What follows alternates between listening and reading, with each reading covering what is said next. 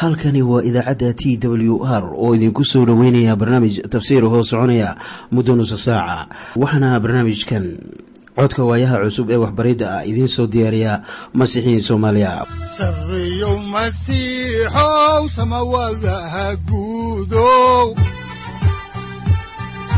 Siraadkii adduunkow subanaha eebow sareyow masiixow samawadaha guudow siraadkii adduunkow subanaha adigoo samaada soo saldhiganba adigoo kutubtiisanaye udanogu saaciiday sharxin sifahaaga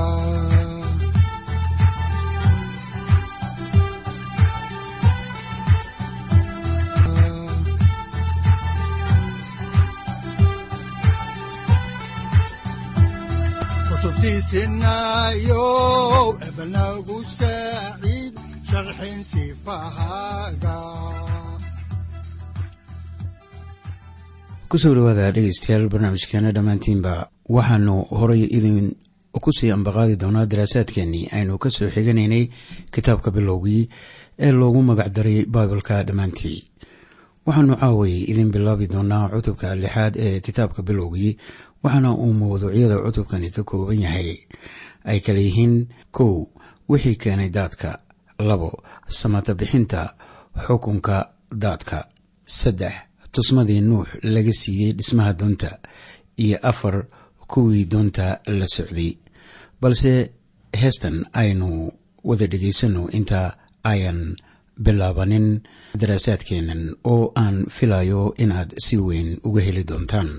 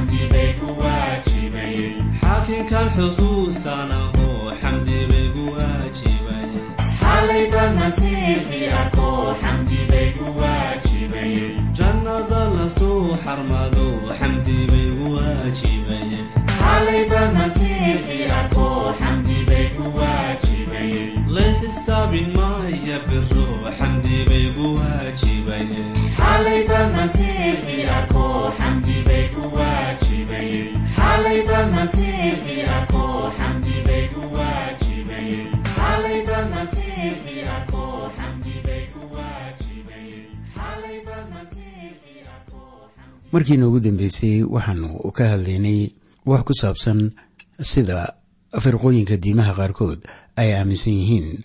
Kuwo badan ayaa aaminsan in badbaadintu ay ka timaado dadka hayeeshee dadka dunida. Haatan waa kuwan waxaana aan ku soconnaa dariiqa ilaah. Haddaba halkeebuu nagu hogaaminayaa dadku. Ma waxa uu inagu wadaa wakhti soo gabagaboobaya ee dunideenna ku soo socda. Mise waxa ay ku socdaan janno oo waxa ay samaynayaan dhul barwaaqo oo waadiyaal dhex maraan maya. Dadku kuma socdaan halkaas. Cutubkan xiga ayaa noo sheegaya in daad iyo ciqaab ilaah ka timid ku habsatay. Habase yeeshee aynu eegno maadada ah wixii keenay daadka. Cutubka lixaad ku arki mayno oo keliya daadka laakiin waxaan kaloo ku arkaynaa sababta keentay ciqaabta daadka. Aynu u leexanno cutubka lixaad aayadaha hal ilaa laba waxaana qoran sida tan. Waxayna noqotay markii ay bilaabatay in dadku ku bataan dhulka oo ay gabdho u dhashaan in wiilashii ilaah arkeen gabdhihii dadku inay wanaagsan yihiin oo ay guursadeen in allah intay doorteen oo dhan. Xaalkan wiilashii ilaah iyo gabdhihii dadka ayaa noqday umuur keentay faallooyin aan dhammaan. Waxaa jira rag aqoon leh oo rumaysan in wiilashii ilaah ay ahaayeen malaa'igyo. Shakhsi ahaan anigu taas inaba ma rumaysni. Badanaa macallimiintayda waxa ay bareen in wiilashii ilaah ay ahaayeen malaa'igo waxaana aan garanayaa in badanaa mufasiriinta maanta ay qaateen. Falsafadda ah in wiilashii ilaah ay yihiin malagyo. Haddaba aniga ma aqbali karo aragtidaas. Waayo haddii kuwaas yihiin malagyo wanaagsan dembi ma galeen. Markaana malag sharalihina noqon kari maayo ama looma nisbayn karo wiilashii ilaah. Waxaa kaloo qoran in faracaasu ahaayeen oo keliya rag ma ayan ahayn qoon jinni ah. Garan maayo waxa dad badani ugu haystaan uwo waaweyn oo xoog leh. Waxaanse si guud uga munaaqishan doonaa maadadan marka aynu soo gaarno aayadda afraad. Haddaan ku noqonno cutubka lixaad aayadda siddeedaad ee kitaabka bilowgii waxaa qoran sida tan. Rabbiguna waxa uu yidhi ruuxayga lama sii dagaalami doono dadka weligiis maxaa yeelay isagu waa jid. Laakiinse cimrigiisu wuxuu noqon doonaa boqol iyo labaatan sannadood waxaynu rumaysannahay in nuux dadka uu ku wacdiinayey ilaa iyo boqol iyo labaatan sannadood. Wakhtigaasna ruuxii rabbiga ayaa la dagaalamayay dadka. Butros baa si wanaagsan u qeexay umuurtan oo waxay ahayd maalmihii nuux ruuxii rabbigu uu la dagaalamayay dadka si uu iyaga ugu keeno ilaah laakiinse way diideen inay dembiyadooda ka soo leexdaan. Butros waxa uu yidhi sida ku qoran warqadiisii koowaad cutubka saddexaad aayadaha siddeed iyo toban ilaa sagaal iyo toban oo leh maxaa yeelay masiixba mar buu u xanuunsaday dembiyada. Isaga oo xaqa ayaa u xanuunsaday kuwo aan xaq ahayn aawadood. Inuu inoo keeno ilaah. Xagga jirka waa laga dilay laakiinse xagga ruuxa waa laga nooleeyey. Ruuxii ayuu ku tegey oo waxa uu wacdiyey ruuxyadii xabsigii ku jira waxaa qoran ruuxyadii waxa ay ku jireen xabsiga. Markii rasuul boolos qorayey ama uu qoray laakiin waa la wacdiyey maalmihii nuux. Sidee baan haddaba ku ogaanaynaa in la wacdiyey? Warqaddii koowaad ee rasuul butros cutubka saddexaad aayadda labaatanaad ayaa leh kuwaas oo waagii hore ahaa caasiyiin markii dulqaadashadii ilaah ay sugaysay intii maalmihii nuux oo la diyaarinayay doonidii taasoo ay kaga badbaadeen dhowr qof oo ah siddeed nafood oo keliya. Goorma ayay caasiyiin noqdeen kuwaasoo waagii hore ahaa caasiyiin. Markii ay dulqaadashadii ilaah ay sugaysay intii maalmihii nuux oo la diyaarinayay doonidii taasoo ay biyihii kaga badbaadeen dhowr qof oo ah siddeed nafood oo keliya goorma ayay caasiyiin noqdeen. Jawaabtu waxa ay noqonaysaa markii dulqaadashadii ilaah sugaysay maalmihii nuux.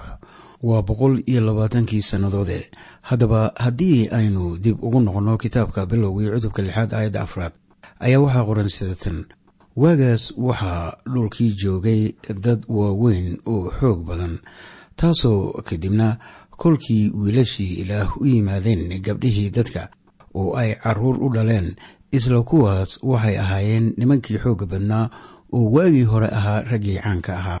Waxaa aayaddu leedahay waxaa dhulka joogay dad waaweyn oo xoog badan. Laakiin odhan mayso qidcadu waa faracii wiilashii ilaah iyo gabdhihii dadka. Waxaase aayaddu ay ka leedahay faracaas sida tan. Isla kuwaas waxay ahaayeen nimankii xoogga badnaa oo waagii hore ahaa raggii caanka ahaa. Nimankanu ma ahayn qoon jinni ah waxaase ay ahaayeen niman waaweyn. Qorniinka ayaa halka ku caddaynaya in nimankan waaweyni joogeen dhulkii intaan isku imaatinku dhicin. Waxaase laga wadaa faracaas waa shakhsiyaad gooni ah. Bani aadamnimada waxa ay leedahay karti aad u tiro badan. Si cabsi iyo layaab badan baa dadka loo sameeyey waana xaqaa'iq jira inaan luminay garashadayadii fikradda ah in dadku ka yimaadeen miid ama dareere ka soo hooray wasakh dad hore oo ay dunida uga tageen ama laga yimid dhir badeed ayaa taasu tahay qashiinnimo. Culimmada sayniska ayaa qaarkood waxa ay rumaysan yihiin in masaalka meertanololeedka la diidi doono. Qaar iyaga ahna la yaab baa qabsan doona wakhtigaas meerta nololeedka waxba kama ahan dunidan laakiin waa masaal un markaan eegno sayniska. Wax ka soo baxayana ma jiraan. Haddaba waa maxay xaaladdii ka jirtay dhulka? Intaan daadku iman. Maxaase keenay in ilaa soo rogo xukunkii ama halaaggii daadka aynu dib ugu noqonno cutubka lixaad aayadda shanaad oo leh rabbiguna wuxuu arkay in dadka sharkiisu ku badan yahay dhulka iyo in malo kasta oo fikirada qalbigiisu ay shar kali yihiin hadiyo goorba. Waxaa halkan yaalla erayo qaar kuwaasoo aan doonayo markaa in idinkuna aada calaamadaysataan. Waxaana weeyaan in dadka sharkiisu uu ku badan yahay dhulka iyo in malo kasta oo fikirkiisu ama qalbigiisa ku jiraana ay shar yihiin had iyo goorba. Ereyadaas waxa ay muujinayaan xaaladii dadka dunida joogay. Innagu uu horay markaa u sii ambaqaadayna qorniinka ayaa waxa aan eegaynaa cutubka lixaad aayadda lixaad oo leh sida tan. Rabbigu waxa uu ka qoomamooday abuuriddii uu dadka ku abuuray dhulka wuuna calool xumaaday. Waxaana qoran rabbigu wuu ka qoomamooday muxuu ka qoomamooday wuxuu ka qoomamooday musuq maasuqii dadka waxa ay u muuqataa in ilaah bedelay fikiradiisii ahayd abuurista dunida uu abuuray. Inkastoo taa ay calool xumaysay ilaah iyadoo ay ugu wacan tahay dembigii dadka haddana waa ilaah mahadii in uusan ina halaagin dhammaantayo. Waxaa ku qoran cutubka lixaad aayadda toddobaad ee kitaabka bilowgii sidatan rabbiguna waxa uu yidhi waxaan dhulka ka baabi'in doonaa dadka aan abuuray. Dadka iyo welibana dugaagga iyo waxa gurguurta iyo haadda hawada. Maxaa yeelay waan ka qoomamooday samayntii aan sameeyey iyaga. Qidcadani inooma sheegin in kalluunka la baabi'in doono waayo iyagu waxa ay ku dhex jiraan biyaha hoostooda. Ilaahna waxa uu doonayaa in uu soo diro biyo badan. Haatanna aynu eegno nin soomaalidu si weyn u wada garanayaan ninkaasuna waxa weeyaan nebi nuux oo loo markhaati furay inuu ahaa sidaan arki doonno mid ilaah raalli ka noqday. Aynu eegno cudubka lixaad aayadda sideedaad waxaana qoran sidatan laakiinse rabbigu nuux raalli buu ka ahaa. Haddaba aynu isweydiinay muxuu nuux nimcadan ku helay. Aynu horay u sii ambaqaadno faallada kitaabka sida ku qoran cutubka lixaad aayadda sagaalaad oo leh kuwan waa farcankii nuux. Nuuxna waxa uu ahaa nin xaqa oo ku eedla farcankiisii. Nuuxna ilaah buu la socon jiray. Muxuu ilaah u badbaadiyey nuux inuu ilaah la socday aawadeed miyaa loo badbaadiyey haa laakiin waxaa kaloo laynoogu sheegayaa cibraaniyada cutubka koob iyo tobanaad aayadda toddobaad sida nuux oo ilaah uga digay waxyaalo aan weli la arkin ayaa cabsaday oo rumaysad buu ku diyaariyey dooni in reerkiisu badbaado.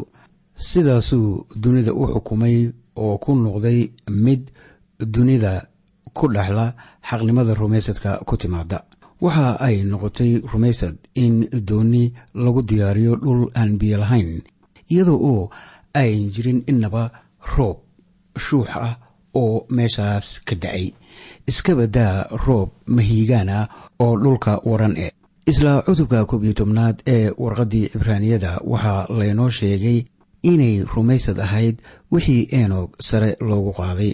Waxa aad arkaysaa marka kiniisadda dunida laga qaado rumaysto kasta wuu raacayaa waayo farxadda waxaa iska leh rumaystayaasha oo mid kastooo xaq ah waa la sare kicinayaa.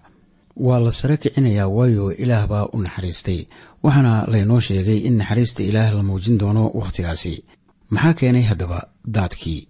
Maxaase ilaah daadka u soo dirayaa haddaan ku noqonno cutubka lixaad aayadaha koob iyo toban ilaa labaiyo toban ayaa waxaa qoran sida tan. Dhulkuna wuu kharibnaa. Ilaa hortiisa dhulkana dulmi baa ka buuxsamay. Ilaahna waxa uu arkay dhulka oo bal eeg. Wuu kharibnaa waayo intii jir lahayd oo dhammu jidhkooday ku kharibeen dhulka.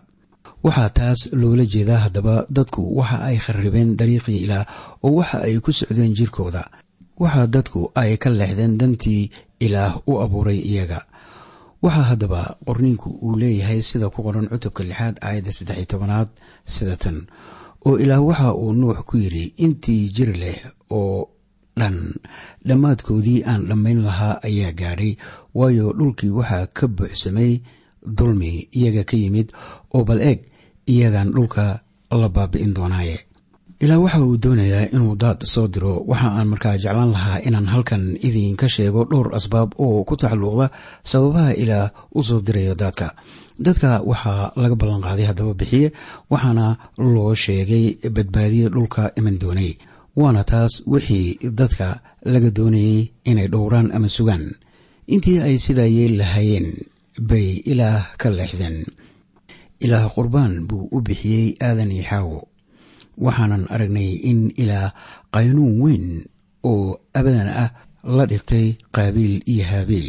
Labadan wiil waa qaabiil iyo haabiile waxa ay u taagan yihiin laba nidaam ama laba dabaqadood waana kuwo lumay ama kuwo badbaaday kuwaasoo kale ah hormo xaq isla ah iyo kuwo ka qowmamaysan dembiyadooda. Waxaa kaloo lagu tilmaami karaa inay kale yihiin brofesor caadi ah iyo rumaysto macquul ah taas ayaa ah waxa dhex yaalla bani aadamiga. Waxa aan kaloo aragnay in awayaasheen ay noolaan jireen wakhti dheer oo noloshii aadan iyo mutashaal ah ayaa isku xiraysa xilliga ilaah adduunka abuuray ilaa iyo wakhtigii daadka. Labada nin waxa ay faallo iyo hogo tusaaleyn siin jireen dadka. Hubaashiina way tusmeeyeen dadka. Waxaa kaloo laynoo sheegay sida ku qoran yudas aayadaha afar iyo toban ilaa shan iyo toban in enok wacdiyey oo wax sii sheegay wakhtigii uu noolaa. Markii enok la waayeyna dadkii waxa ay ka cabsanayeen inuu ilaah soo farageliyo umuurihii bani aadamiga. Waxay kaloo garanayeen wax ku saabsan ninka la yidhaahdo mutashaalax iyo macaaniga magaciisu lahaa. Oo markii uu dhintayna way garanayeen in daadku imanayo. Ugu dambayntiina waxaa jiray shuqulka ruuxa quduuska ah. Ilaa waxa uu yidhi ruuxaygu lama sii dagaalami doono dadka weligii. Ruuxa rabbiga ayaa dadka la dagaalamayay laakiin markii dadkii gebi ahaan diideen ilaah ayaa daadku xukun ahaan ugu imanayaa dhulka. Dadkii dhintayna way garanayeen in daadku imanayo. Dadka oo dhammina waxa ay ka tageen ilaah sida ku qoran warqaddii reer rooma cudubka saddexaad aayada tobanaad oo qayb ahaan leh. Mid xaq ahu ma jiro midnaba. Waxaase jiray kuwo yar kuwaasoo ilaah rumaysan. Waxa ay ahaayeen nuux iyo qoyskiisii. Waxaa halkan jooga mid ilaah la socda wuxuuna rumaysnaa ilaah. Waxaa inta jooga mid weli ku kalsoon ilaah oo rumaysad buu nuux ku diyaariyey dooni.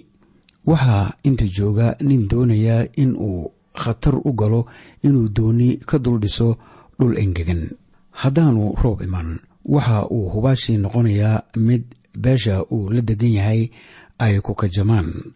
Sidaas ayaa loogu kajamayey boqol iyo labaatan sannadood. Laakiin nuux waxa uu rumaysnaa ilaah. Waxaa jira isbarbardhig la yaab leh oo ah in maalmihii nuux ay matalaan ama ay la mid yihiin maalmaha la sugayo masiixa soo noqoshadiisa. Maahan oo keliya farxadda imaanshihiisu leeyahay laakiin waxa weeyaan in la taago boqortooyadiisa. Laakiin waxaa jira waxyaabo isfeer socda oo imikadan la arkayo. Haddaan tusaale u soo qaadanno cutubka waxa uu ku bilaabmayaa cutubka lixaad aayadda koowaad waxayna noqotay markii ay bilaabatay in dadku ku bataan dhulka oo ay gabdho u dhashaan. Waxaa jiray kororsiimada dadka ay ku soo kordhayaan dhulka. Dadku waxa ay gaareen waqooyiga amerika aasiya yurub iyo afrika. Dadku waxa ay ku faafeen jaho waliba. Maantana waxaa jira taran xad dhaafa oo dunida ka jira. Oo mar kale ayay dadkii si weyn ugu bateen dunida guudkeeda. Waxaana ay noqonaysaa haddii duufsashadu ay timaado inaanu ruuxa quduuska ahi kol dambe is-hortaagaynin sharka qofka ku dhex jira. Waxaa keliya ee ruuxu u joogayaa halkaa inuu bedelo qofka. Laakiin waxaa si qayaxan laynoogu sheegay inaanu ruuxa ilaah la sii dagaalami doonin sharka dhulka. Usoo dhowaanshaha ilaah uu u soo dhowaanayo dadka ayaa la quursan doonaa oo la diidi doonaa. Taasina waa sida ay tahay maanta.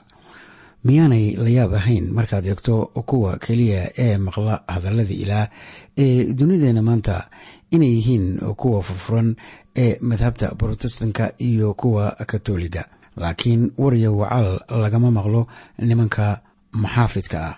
Waxa ay isku dayeen inay samaystaan waddo iyaga u gaara waxaana ay si aan kala go' lahayn isugu dayayaan in ay ku soo noqdaan jagadoodii laakiin waxaynu nimid maalmaha marka aad ilaah u soo istaagto aad arkayso inaadan awoodeyn in aad ka hadasho warbaahinta waxaase beddelay in dadkii ay bartaan mucaaradada iyo mudaharaadyada iyo inay dafiraan masiixa.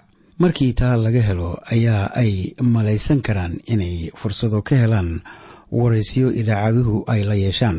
Ugu dambaystii dunidii berigii hore waxaa qabsaday dhibkan weyn ee xiisadan. Waxaa jira dad badan oo si mucjiso ah kaga tegay dunida xitaa waxaa kaloo jira xukunkii maalintii nuux ha yeeshee dadku uma ayan hoggaansamin wixii la faray. Haddaba waxaa soo fool leh ciqaab xanuun badan oo gashay taariikhda bani aadmiga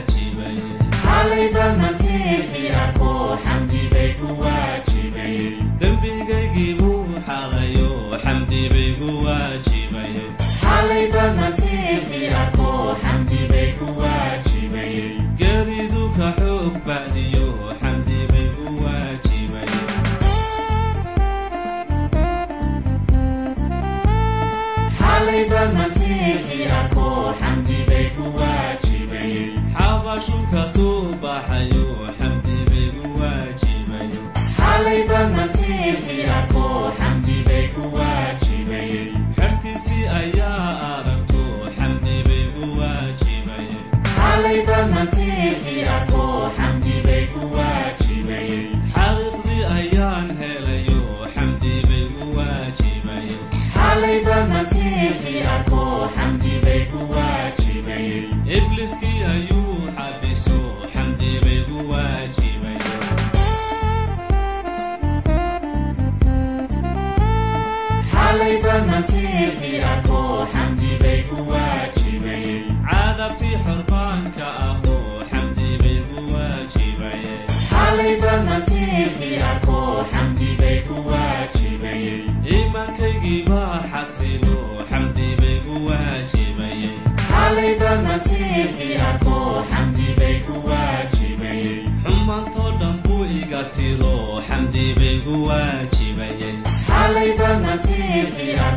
xamdi bay kitaabkiisii baan xafido xamdi bay ku waajibayeen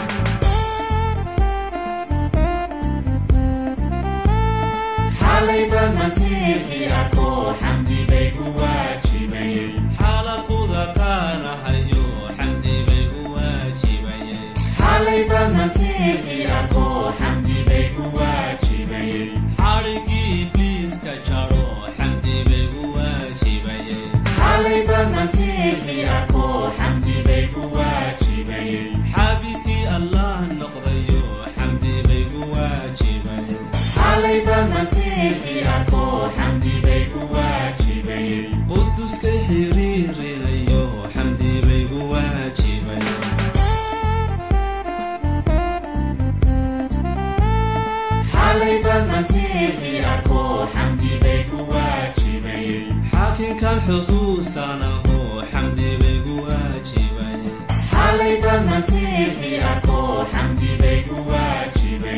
jannada la soo xarmado xamdi bay ku waajibayeen. Xalayba masiixi arko xamdi bay ku waajibayeen. La xisaabin maaya biro xamdi bay ku waajibayeen. xalayba masiixi arko xamdi bay ku waajibayeen xalayba masiixi arko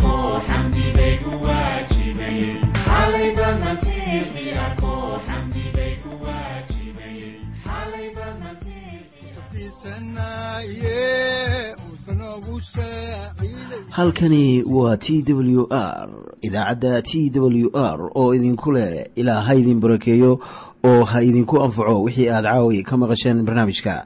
Waxaa barnaamijkan oo kalea maqli doontaan habeen dambe hadahan oo kale haddiise aad doonaysaan in aad fikirkiina ka dhiibataan wixii aad caawi maqasheen ayaad nagala soo xiriiri kartaan som t w r at t w r c o k e dhegaystayaal haddii aad doonaysaan inaad mar kale dhegaysataan barnaamijka fadlan mar kale booqo www t t b o r g ama www t w r o r g halka sare waxaad ku arkaysaa markii aad gasho language ama luuqadda waxaana dooranaysaa soomaali. Haddii aad doonaysaan in aad dejisataan oo kaydsataan barnaamijka ama aad mar kale dhegaysataan fadlan mar kale booqo www t t b t w r o r g ama www t w r o r g haddii aad doonayso in laga kaalmeeyo dhinacyada fahamka kitaabka amase aad u baahan tahay duco fadlan fariimahaaga soo mari bogga aaraahda ama kommentska inana jawaab degdeg ah ayaanu ku soo diri doonaa amase ku siin doonaaye Sarreeyow Masiixow, wihiyow. Saacadda timid dhulka sabada ku dhalatiyo